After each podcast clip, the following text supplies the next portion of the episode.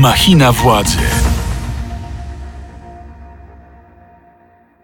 Machina Władzy, podcast Radia Z, w którym analizujemy najważniejsze wydarzenia w Polsce i na świecie. Ja nazywam się Mikołaj Pietraszewski, zapraszam na kolejny odcinek trzeciego sezonu, a ze mną w studiu mecenas Sylwia Gregorczyk-Abram, adwokatka, członkini Stowarzyszenia Wolne Sądy. Dzień dobry pani mecenas. Dzień dobry panie redaktorze i dzień dobry państwu. Będziemy rozmawiać o sprawie przede wszystkim Mariusza Kamińskiego i Macieja Wąsika, która jest na tyle skomplikowana i wielopiętrowa, że nie będziemy jej streszczać w całości, bo będziemy musieli musielibyśmy poświęcić na to osobny odcinek, ale będziemy pewne zawiłości starali się jakoś wyjaśnić w toku e, naszej rozmowy.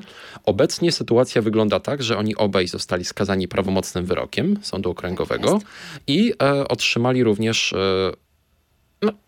informacje o tym, że nie będą już mogli wykonywać a, swoich obowiązków poselskich, że mandat został wygaszony, także decyzją marszałka Sejmu.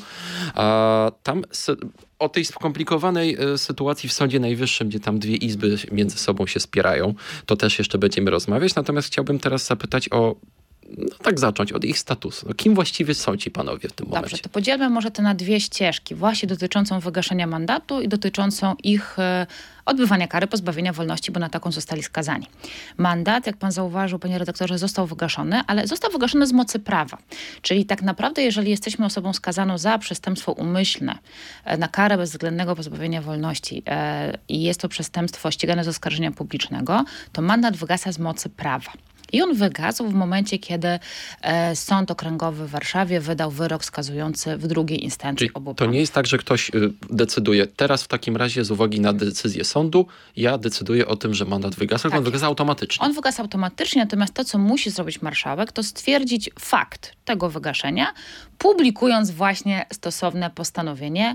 E, I tego dotyczy ten wątek e, parlamentarny. Natomiast tych mandatów, e, te mandaty wygasły i panowie po prostu posłami już nie są.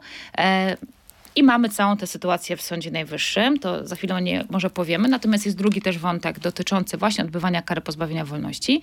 Ona jest już, e, tak jak powiedziałam, prawomocna, prawomocny wyrok i wczoraj zapadła decyzja o tym, żeby e, doprowadzić panów do aresztu śledczego, bo tak to wygląda. Czyli Sąd Rejonowy dla Warszawy i Śródmieścia nie uwzględnił wniosków o odmowę wszczęcia postępowania wykonawczego, co właściwie de facto oznacza, że będą musieli zostać doprowadzeni do zakładu Muszą karnego. zostać doprowadzeni. Tam obrońcy, z tego co wiemy, składali wnioski o wstrzymanie wykonania tej kary i to jest taki, myślę, standardowy wniosek dla, e, dla obrońców, którzy próbują jeszcze z różnych przyczyn odroczyć wykonanie tej kary. I dlatego ta To sprawa tak uda. długo się ciągnie. Tak, to się nie udało i to są standardowe procedury. Jeżeli ja mam klienta, który ma, jest skazany, to też szukam możliwości, żeby odroczyć e, wykonanie tej kary. To się nie udało. Już wiemy, że ta kara będzie e, i musi być wykonana i tak naprawdę jak policja dostanie e, te informacje formalnie, to może uruchomić procedurę no, doprowadzenia panów do aresztu śledczego. I panowie nie są już posłami, Panowie nie są już posłami. ale bez- uważają, że są.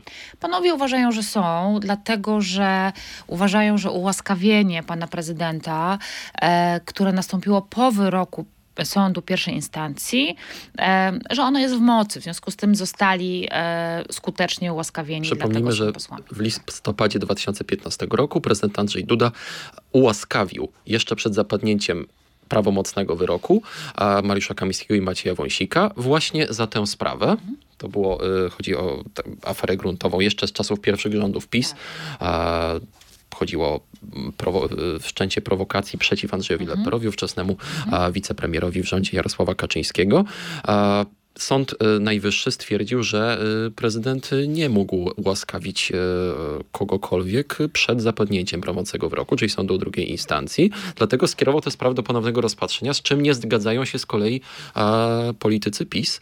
I stąd ten taka jakby dwoistość Tak. tego porządku prawnego. Jeszcze tylko powiem dwa zdania, dlaczego Sąd Najwyższy tak powiedział. Dlatego, że powiedział wprost, że godziłoby tę za zasadę domniemania niewinności, czyli każdy jest niewinny, uważany wobec prawa jako niewinny do momentu tak prawomocnego skazania. I ingerowanie w tę zasadę mm, jest wprost sprzeczne z konstytucją, czyli jakby zabieramy tak naprawdę stronie procesowej możliwość oczyszczenia się z zarzutów. Dlatego nie można e, ułaskawiać po wyroku pierwszej instancji, a drugiej stronie, czyli tym oskarżycielom posiłkowym pokrzywdzonym, też zabieramy możliwość dochodzenia swoich praw, jeżeli już na etapie sądu pierwszej instancji ułaskawiamy mm, kogoś. I o tym powiedział Sąd Najwyższy w czerwcu ubiegłego roku, mówiąc, że tylko sądy mają właśnie monopol na sprawowanie tego prawa. Dlatego to ułaskawienie po prostu jest nieskuteczne. No faktycznie się stało, jakiś akt został wydany, ale ono nie ma mocy prawnej. Czyli y, prezydent, który w 2015 roku ułaskawił ich przed wyrokiem sądu drugiej instancji, tak naprawdę zrobił z Kamińskiego i Wąsika winnych.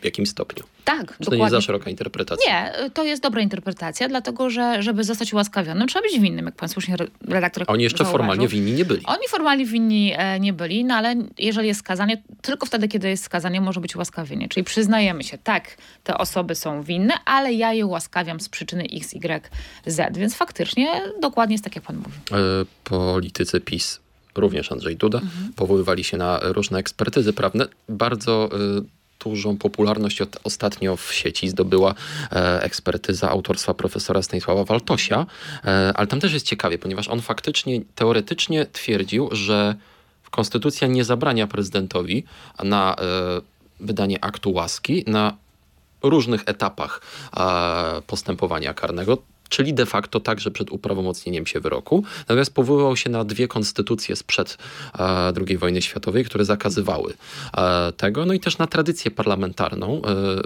i tradycję e, sądowniczą i polityczną, która jakby e, nie uwzględniała takiego ruchu i do momentu, kiedy prezydent Andrzej Duda się na to zdecydował w 2015 roku, e, no jakby Żadna, żadna głowa państwa nigdy nie dokonała aktu łaski przed uprawomocnieniem się wyroku. Pierwszy taki przypadek.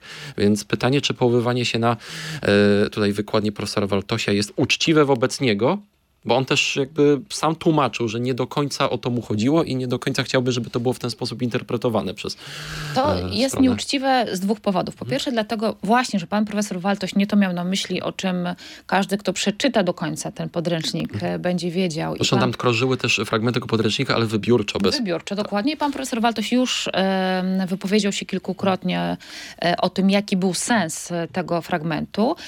To jest jedna rzecz. Ale druga rzecz jest taka, że my jako prawnicy, e, zwłaszcza prawnicy z takim dorobkiem jak profesor Waltoś, czy, czy pani profesor Łętowska, czy, czy inni wybitni prawnicy, dyskutuj, dyskutują o bardzo różnych rzeczach. Przedstawiają taką teorię, e, inną teorię i to wszystko jest w granicach e, dyskursu prawnego. Ale tutaj mamy uchwałę Sądu Najwyższego. To znaczy nawet jeżeli pan profesor Waltoś albo inny znakomity pan profesor w jakimś podręczniku powiedział, tak, to jest możliwe, no to jest uchwała Sądu Najwyższego, która dokładnie w tej konkretnej sprawie powiedziała nie. A jest to jednak nie wyższy się- szczebel. Oczywiście, niż fragment podręcznika, z całym szacunkiem dla pana profesora Waltosia, który jest ogromnym autorytetem, czy dla jakiegokolwiek innego podręcznika. No nie możemy mówić, e, jest uchwała Sądu Najwyższego, ale w jakimś podręczniku jest fragment, który mówi o tym, że to jest możliwe. No to jest niepoważne i to jest podwójnie niepoważne, e, jeżeli mówi to głowa państwa.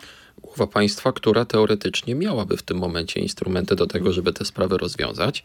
Prezydent może y, ułaskawić już teraz całkowicie bez jakichkolwiek wątpliwości Kamińskiego i Wąsika, ale nie zamierza tego robić ani prezydent, ani ktokolwiek z jego otoczenia. Tam się wypowiadał a, szef gabinetu Marcin Mastalerek, tam się minister Paprocka, wypowiadał minister Kolarski. Wszyscy twierdzili, że ułaskawienie prezydenta z roku 2015 jest w mocy i cokolwiek by się działo, to pan e, prezydent w tym momencie y, no, nie pomoże Kamińskiemu i Wąsikowi. Szkoda, bo mógłby to jednym ruchem e, zakończyć. W tym momencie przy prawomocnym skazaniu absolutnie może ich ułaskawić i e, uwolniłoby to panów od e, tego wiszącego nad nimi, wiszącej nad nimi groźby bardzo realnej, czyli właśnie doprowadzenia ich w, tak naprawdę w każdej godzinie teraz e, do aresztu, aresztu śledczego. Tak jak powiedziałam, ta interpretacja jest wprost sprzeczna z e, uchwałą Sądu Najwyższego, która obowiązuje. A z kolei y, druga strona powołuje się na uchwałę Trybunału Konstytucyjnego, więc mamy tutaj takie tak naprawdę zderzenie gigantów i co? Ten,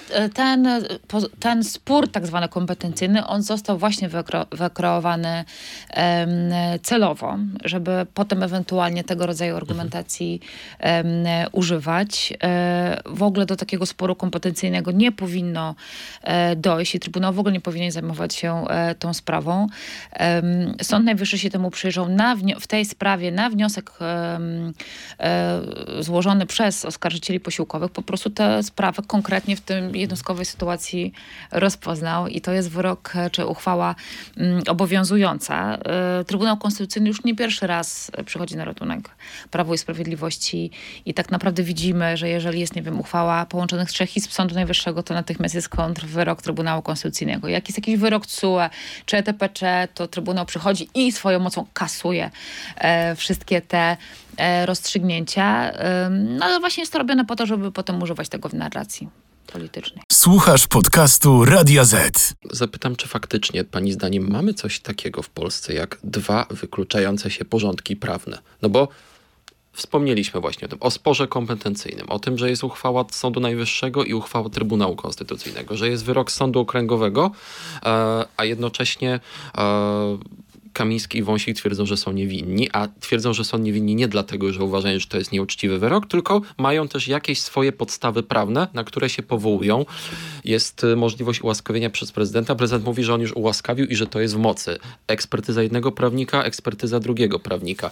Mamy sytuację w Sądzie Najwyższym, gdzie dwie różne izby rozpatrują y, tę samą sprawę, z tego, że jedna jest uznawana przez Europejski Wymiar Sprawiedliwości, a druga nie.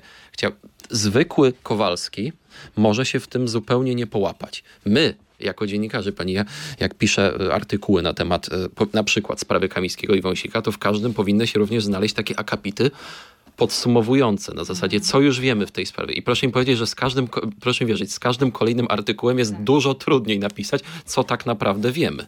W sposób faktyczny mamy dwa porządki prawne. W sposób taki aksjologiczny ten porządek może być tylko jeden, no bo on, jeżeli są dwa, to znaczy, że jest nieporządek, prawda? Ale chodzi o to, że każda strona twierdzi, że ich porządek jest... jest właściwym Tak, porządkiem. tak. E, oczywiście, natomiast mm, zawsze w takiej sytuacji, e, kiedy mamy do czynienia z taką narracją podwójną, no warto się przyjrzeć temu, co za tą narracją stoi. To znaczy, jeżeli wiemy, że za narracją, która mówi Izba Kontroli Nadzwyczajnej Spraw Publicznych, nie jest sądem w rozumieniu prawa Unii Europejskiej czy Europejskiej Konwencji Praw Człowieka, stoi pięć wyroków tych trybunałów, w tym jeden bardzo ważny, ostatni z, z grudnia e, ubiegłego e, roku, e, no to to już coś znaczy, prawda?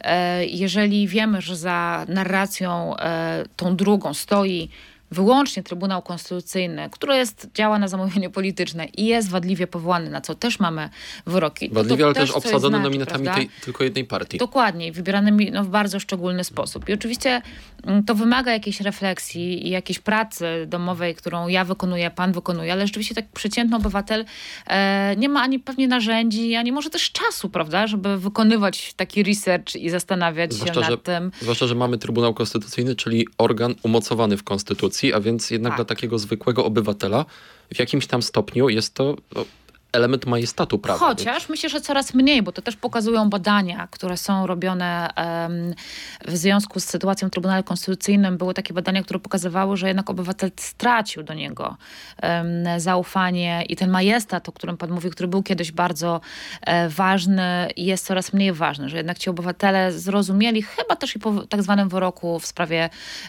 aborcji, o co chodzi w tej, w tej grze i to zaufanie jest coraz mniejsze. Ale tak, oczywiście.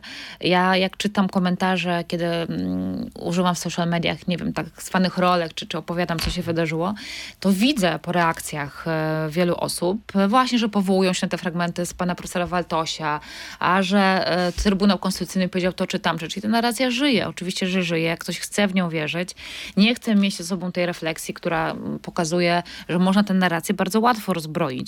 Właśnie chociażby w oparciu o te wyroki europejskie. Tak, aczkolwiek y, chyba też nikt nie przewidział sytuacji, w której polskie władze nie będą takich wyroków europejskich respektować. To był niestety standard, y, który pokazywał, że za każdym razem, jak mamy taki wyrok, to jest on albo kasowany, tak, w cudzysłowie oczywiście, przez Trybunał Konstytucyjny, albo po prostu jest ignorowany i mówi się, że Trybunał przekroczył swoje kompetencje, ingeruje w nie, wewnętrzną niezależność, suwerenność e, kraju i takich niewykonanych wyroków jest naprawdę już bardzo dużo, niestety.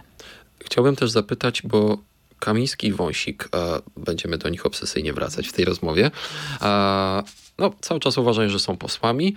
E, też ich stronnictwo polityczne tak uważa, ale pojawiła się po tej stronie też bardzo ciekawa hipoteza i muszę ją z panią skonfrontować, mhm. dotycząca tego, jakie mogą być tego następstwa. E, na pewno jest pani znana postać taka jak Kamil Zaradkiewicz, mhm. a e, sędzia Sądu Najwyższego, nominowany już po 2018 roku, forsuje ostatnio w mediach społecznościowych taką wykładnię prawną, że Sejm bez Kamińskiego i Wąsika, to znaczy w sytuacji, kiedy nie dopuszcza się ich do e, uczestnictwa w obradach Sejmu oraz uczestnictwa w głosowaniach, jest de facto e, Sejmem, który działa w sposób nielegalny. A więc uchwały, które, e, które, się, które wychodzą jakby z tej Izby e, Parlamentu, e, nie mają skutków prawnych. I teraz o co chodzi? Jego zdaniem, i to mhm. też się pojawia po takiej bardziej e, zbliżonej z pisem stronie dyskursu, że na przykład czekające nas głosowanie nad budżetem bardzo ważne i, już takie, które wywołało kontrowersje. E, głosowanie bez wykluczonych posłów e, może spowodować, że ustawa zostanie, nie zostanie skutecznie uchwalona, albo że zostanie skierowana przez prezydenta w trybie prewencyjnym do Trybunału Konstytucyjnego, który może ją, mówiąc kolokwialnie, uwalić. I to nie z uwagi na to, że coś może się nie podobać w zakresie wydatków, typu na przykład, nie wiem, miliardy na media publiczne albo coś takiego, tylko że z uwagi na to, że każda decyzja podjęta w, y, przez parlament w tak zwanej konstrukcji wadliwej, czyli bez dopuszczenia dwóch posłów, jest rzeczywiście jakby nie była pod kątem prawnym.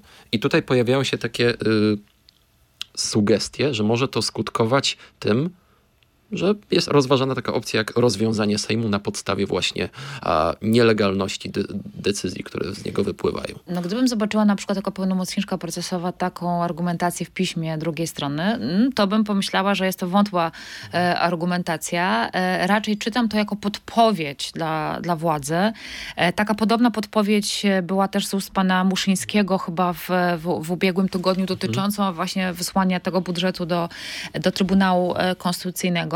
E, tutaj ja się oczywiście z panem Zaradkiewiczem nie, nie zgadzam. No, mandaty wygasły, w związku z tym nie są posłami. To jest naprawdę aż tak e, proste i nie możemy tutaj mówić o wadliwości e, tej decyzji. Ale oni się z tym nie zgadzają. I no co i się z tym nie zgadzają. Oczywiście mogą to odesłać do Trybunału hmm. Konstytucyjnego z tego trochę absurdalnego powodu, ale na to nie mamy trochę wpływu. To znaczy nie mamy, jeżeli pan prezydent Duda będzie chciał to wysłać do Trybunału, który jest ich trybunałem, bo jest całkowicie podporządkowany, to tak. Ale wciąż jest też elementem ścieżki tak legislacyjnej. Jest elementem ścieżki legislacyjnej. Na to nic nie poradzimy i rzeczywiście ja nie wykluczam żadnego już teraz scenariusza. Potem co zrobiła Izba Kontroli Nadzwyczajnej Spraw Publicznych, orzekając absolutnie bez akt, a potem na, na kserokopii akt, ja naprawdę w tym momencie nie wykluczam żadnego scenariusza. Nie wykluczam scenariusza odesłania tego budżetu do e, Trybunału Konstytucyjnego.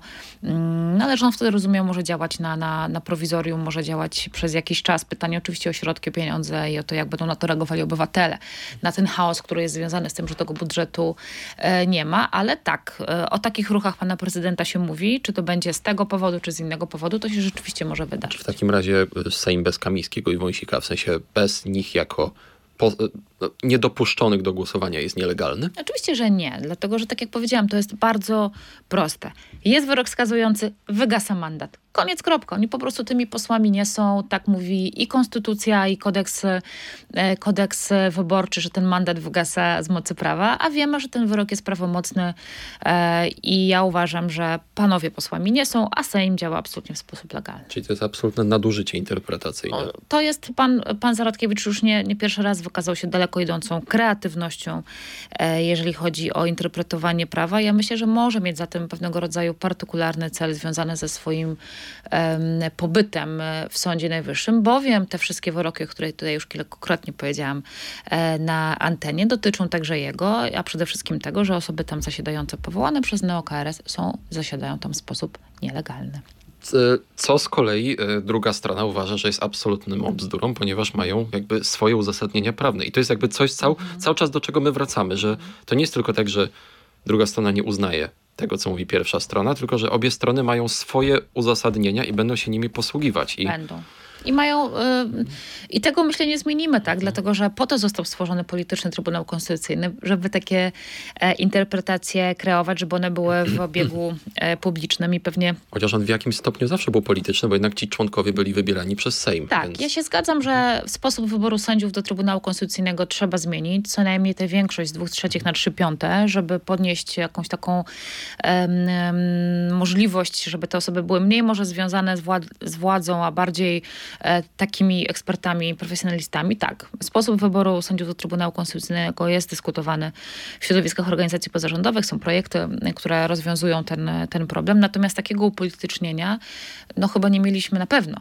Nie mieliśmy e, nigdy, no już nie mówiąc o tym, że zasiadają tam trzy osoby wybrane w sposób nielegalny, na co również mamy wyrok Europejskiego Trybunału Praw Człowieka. Czyli kończąc ten wątek, e, gdyby Andrzej Duda na podstawie nie wiem, decyzji Trybunału Konstytucyjnego, która stwierdziłaby niekonstytucyjność e, budżetu albo stwierdziłaby nielegalność e, ustawy e, z uwagi na sprawy Kamińskiego i Wąsika i gdyby zdecydował się rozwiązać Sejm, pani zdaniem zrobiłby to bezprawnie. Zrobiłby to zdecydowanie e, bezprawnie. E, Ja na ten moment nie chcę myśleć jeszcze o tym scenariuszu. Wydaje mi się, że on jest bardzo, e, bardzo daleki. Natomiast widać już, że Prawo i Sprawiedliwość nie może pogodzić się po prostu ze stratą władzy i te tego rodzaju zachowania, e, także wsparcie ze strony prezydenta, no, pokazują, że będą w sposób absolutnie maksymalny mm, utrudniać jej sprawowanie i być może jakieś radykalne ruchy też będą wykonywać, chociaż wydaje mi się, że wtedy na tym stracą. Jeżeli, no, ja oczywiście nie jestem w stanie ocenić tego tak politycznie, jestem po prostu adwokatką, ale e, no, nie wydaje mi się, żeby obywatele dali się na to nabrać. Słuchasz podcastu Radia Z. To jak jeszcze raz, e, wracając do tego wątku z dwoma porządkami prawnymi, wyjść z tego galimatiasu? Najlepiej wprowadzić wyroki europejskich trybunałów w życie. To jest też aż takie proste, dlatego że one doskonale pokazują mapę drogową tego, jak to trzeba rozwiązać. Te wyroki nas obowiązują, bo jesteśmy i w Radzie Europy, i, i członkiem e, Unii Europejskiej i po prostu te wyroki trzeba wykonywać. Tam jest dokładnie napisane, jak, e, gdzie były te. Mm, podstawowe, fundamentalne błędy. Głównie chodzi tutaj o Neokarajową Radę Sądownictwa, ale nie tylko. Wykonanie tych wyroków naprawdę uporządkuje e, sytuację i pozwoli nam wrócić na takie praworządne tory. No ale oczywiście w przypadku pana prezydenta już widzimy, że wo, wola y, mm, wykonania czy podążania za tymi wyrokami no praktycznie jest żadna. No właśnie, bo to już też chciałem zapytać o współpracę z prezydentem, która dla nowego rządu, mówię nowego, no bo to jeszcze relatywnie nowa e, ekipa rządząca, e, będzie koniecznością jeszcze przez półtora roku. Tak. No do sierpnia 2025 pani sobie wyobraża na przykład zmiany w prawie, takie naprawdę istotne, istotnie zmieniające krajobraz legislacyjny, w których pan prezydent by partycypował. Czy nie? Czy każda zmiana w sądownictwie, w prokuratorze będzie zawsze przez prezydenta blokowana z uwagi na to, że wprowadził je jego obóz polityczny? Ja do jakiegoś momentu wierzyłam, że może uda się pewnego rodzaju jednak rozwiązania dla dobra obywateli przeforsować, e, chociażby na przykład, żeby uda się zmienić Krajową Radę Sądownictwa, na chwilę odkładając status neosędziów, do których jest pan prezydent tak bardzo przywiązany i twierdzi, że uzdrowił cały ten system poprzez swoje mianowanie, co też nie jest e, prawdziwym twierdzeniem. Wierzyłam do jakiegoś momentu, że być może jakimiś małymi krokami em, uda się w, w, tak ścierać, żeby, żeby położyć jakiś konkret na stole. Teraz, widząc, co się dzieje przy sprawie panów Kamińskiego i Wąsika, już mam coraz mniej tych nadziei. E, ale to nie oznacza, że nie należy tych propozycji kłaść na stole i o nich dyskutować i, i głosować, bo obywatele zasługują na to, żeby jak najszybciej e, ta sytuacja odwracać. Jest cały zespół powołany przez pana ministra Bodnara, który się tym zajmuje i na pewno e, te propozycje powstaną szybko, zwłaszcza, że one są już na stole, bez pięć propozycji przygotowanych przez organizacje pozarządowe, które dotyczą i KRS-u, i Sądu Najwyższego, i Trybunału Konstytucyjnego, i sądów powszechnych, i prokuratury, e, więc jest na czym pracować. Jeszcze chciałem zapytać, bo PiS cały czas mówi o tym, że jakby ich analizy prawne są trochę innego rodzaju i trochę, e, trochę inną mają wymowę niż e, analizy prawne ekipy rządzącej. PiS też uważa, że w mediach publicznych zupełnie e, bezprawnie działa sobie nowa, poczyna sobie nowa ekipa. Tu też są jakby różne podstawy prawne działań. Minister Sienkiewicz powołał się na kodeks spółek handlowych, z kolei e, e, PiS uważa, że nie należy tego robić z pominięciem Rady Mediów Narodowych, czyli ciała, które posiada niekonstytucyjne uprawnienia. To też jest chyba sytuacja, w której pani jako prawnik też patrzy na to. E, Jest naprawdę węzeł gordyjski do przecięcia. Tak, e, natomiast e, znowu, nie jesteśmy też krajem, gdzie rządzą analizy prawne, rządzą wyroki i rozstrzygnięcia e, sądów i, i trybunałów. Każdy sobie może napisać taką analizę, jaka mu się tylko podoba. Ja również jako prawniczka mogłabym tu usiąść i napisać różnego rodzaju analizy. To nie oznacza, że one obowiązują. Obowiązują wyroki. I w przypadku sytuacji w mediach publicznych też jest wyrok Trybunału Konstytucyjnego, ale jeszcze tego, który działał w prawidłowym składzie.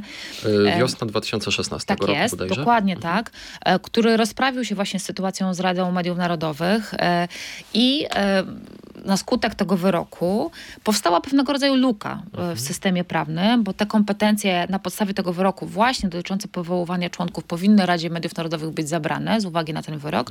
Natomiast e, dlatego zostało posiłkowo em, e, użyty tutaj kodeks spółek handlowych, właśnie dlatego, e, że taka interpretacja e, pozwala na wykonywanie ruchów e, panu ministrowi. No nie miał tutaj wyboru, tak? No nie mógł zwrócić się do Krajowej Rady Radiofonii i Telewizji, bo ustawowo nie ma takiego rozwiązania, które by te kompetencje przekazywał, prawda? Mamy KSH, to są spółki Skarbu Państwa, dlatego skorzystano z dobrodziejstwa kodeksu spółek handlowych, to jest jakby jeden wątek, a teraz już mamy wątek otwartych likwidacji. Wczoraj zostało wpisane radio, e, radio Katowice, czyli już mamy no, zalegalizowanie w pewien sposób em, tej procedury i ta likwidacja już naprawdę nie budzi e, żadnych wątpliwości. Natomiast Prawo i Sprawiedliwość, no trudno się im pogodzić z utratą tak potężnego sojusznika, jakim są media publiczne. Zresztą też mieliśmy przecież okupację e, Tak. polityków PiS e, i też oskarżenia wobec ministra Sienkiewicza i, i nowej ekipy, że działa bezprawnie, Tak. że e, bo tam często twierdzono, że to jest, działa na podstawie uchwały Sejmu, no ale właśnie ten kodeks spółek handlowych Ale to była zupełnie główna to nie było na podstawie prawna. uchwały Sejmu. Uchwała Sejmu po prostu była jakiegoś rodzaju impulsem, który spowodował mm, ruch pana ministra Sienkiewicza. Podstawą do jego działania była uchwała e, i on jest jedynym akcjonariuszem, prawda? Czy jedynym, przepraszam, właścicielem, stuprocentowym udziałowcem e, i mógł o tym zdecydować i działał na podstawie kodeksu spółek handlowych, a nie na podstawie uchwały, która rzeczywiście no, no nie, nie uprawnia w sensie takim prawnym do jakichś działań, ale w takim sensie faktycznym e, Myślę, była że- skierowana do organów, między innymi do ministra Że, też. że była taką emanacją woli politycznej Tak koalicji, żeby podjąć jakieś działania już na Tak gruncie jest. prawnym. Tak jest. Muszę jeszcze zapytać o jedną taką sprawę, która krążyła w mediach, y, dotycząca właśnie mediów publicznych. Pani nazwisko się tam pojawiło. Chodzi y, o doniesienia e, Marcina Dobskiego z portalu salon24.pl o tak zwanej grupie wejście, że podobno istniała jakaś taka grupa na komunikatorze internetowym, gdzie różne osoby e, omawiały wejście do mediów publicznych, stąd ta nazwa i po prostu pani nazwisko się tam również pojawiło. Stąd moja prośba, komentarz w tej Ja w ogóle sprawie. nie wiem, kim jest ten pan, przyznam szczerze, pierwszy raz w ogóle słyszę jego nazwisko. E, E, Dziennikarz E, portalu Salon24 pracował wcześniej w Do Rzeczy, we Wprost. Trudno mi się, trudno mi się do, tego, do tego odnieść, bo ja w ogóle nie śledzę ani salonu. On twierdzi z kolei, rzeczy, więc- twierdził, że pani była jedną z osób, które w ogóle nie odpowiedziały na prośbę kontaktu z nim. Ej, Proszę Państwa, ja nie wiem, kim jest pan, e, pan Dobski. W ogóle nie śledzę, śledzę e, jego poczynań. E, natomiast jeżeli chodzi o różnego rodzaju sytuacje związane z mm, tym, czy ja prowadzę jakąś sprawę jako prawniczka, czy nie prowadzę, to ja mam taką zasadę, że dla dobra swoich klientów po prostu tego nie komentuję. I Państwu nie odpowiem na to pytanie, czy się zajmuję mediami publicznymi, czy się nimi nie zajmuję. A już jakichś doniesień, o których nie mam pojęcia, na pewno komentować, komentować nie będę. Po prostu pani nazwisko się pojawiło, Tak. stąd O, proszę. Państwa, moje nazwisko pojawia się w portalach e, w bardzo różnych kontekstach, co nie oznacza, że we wszystko należy wierzyć i że wszystko należy komentować. Ja bym chyba e, zwariowała, gdybym odnosiła się do, e, do każdego e, z tych, z tych doniesień, ale pan do, Dąbski, do, Dobski. pan Dobski. Ja Dobski. przeczytam sobie pana Dobskiego, jak, jak od Państwa wejdę. Tym akcentem kończymy w takim razie naszą rozmowę. Bardzo dziękuję. To była Machina Władzy, kolejny odcinek trzeciego sezonu naszego podcastu, w którym analizujemy najważniejsze wydarzenia w polskim i światowym życiu publicznym, w ostatnim czasie raczej głównie polskim, a moją rozmówczynią była dzisiaj mecenas Sylwia Gregorczyk-Abram, Stowarzyszenie Wolne Sądy, adwokatka. Bardzo mi miło pani Bardzo mecenas. dziękuję.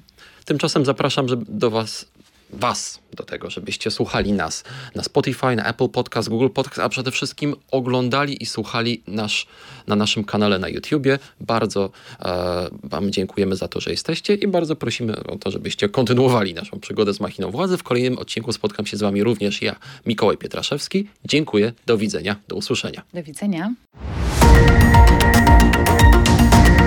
Machina władzy. Więcej podcastów na player radioz.pl.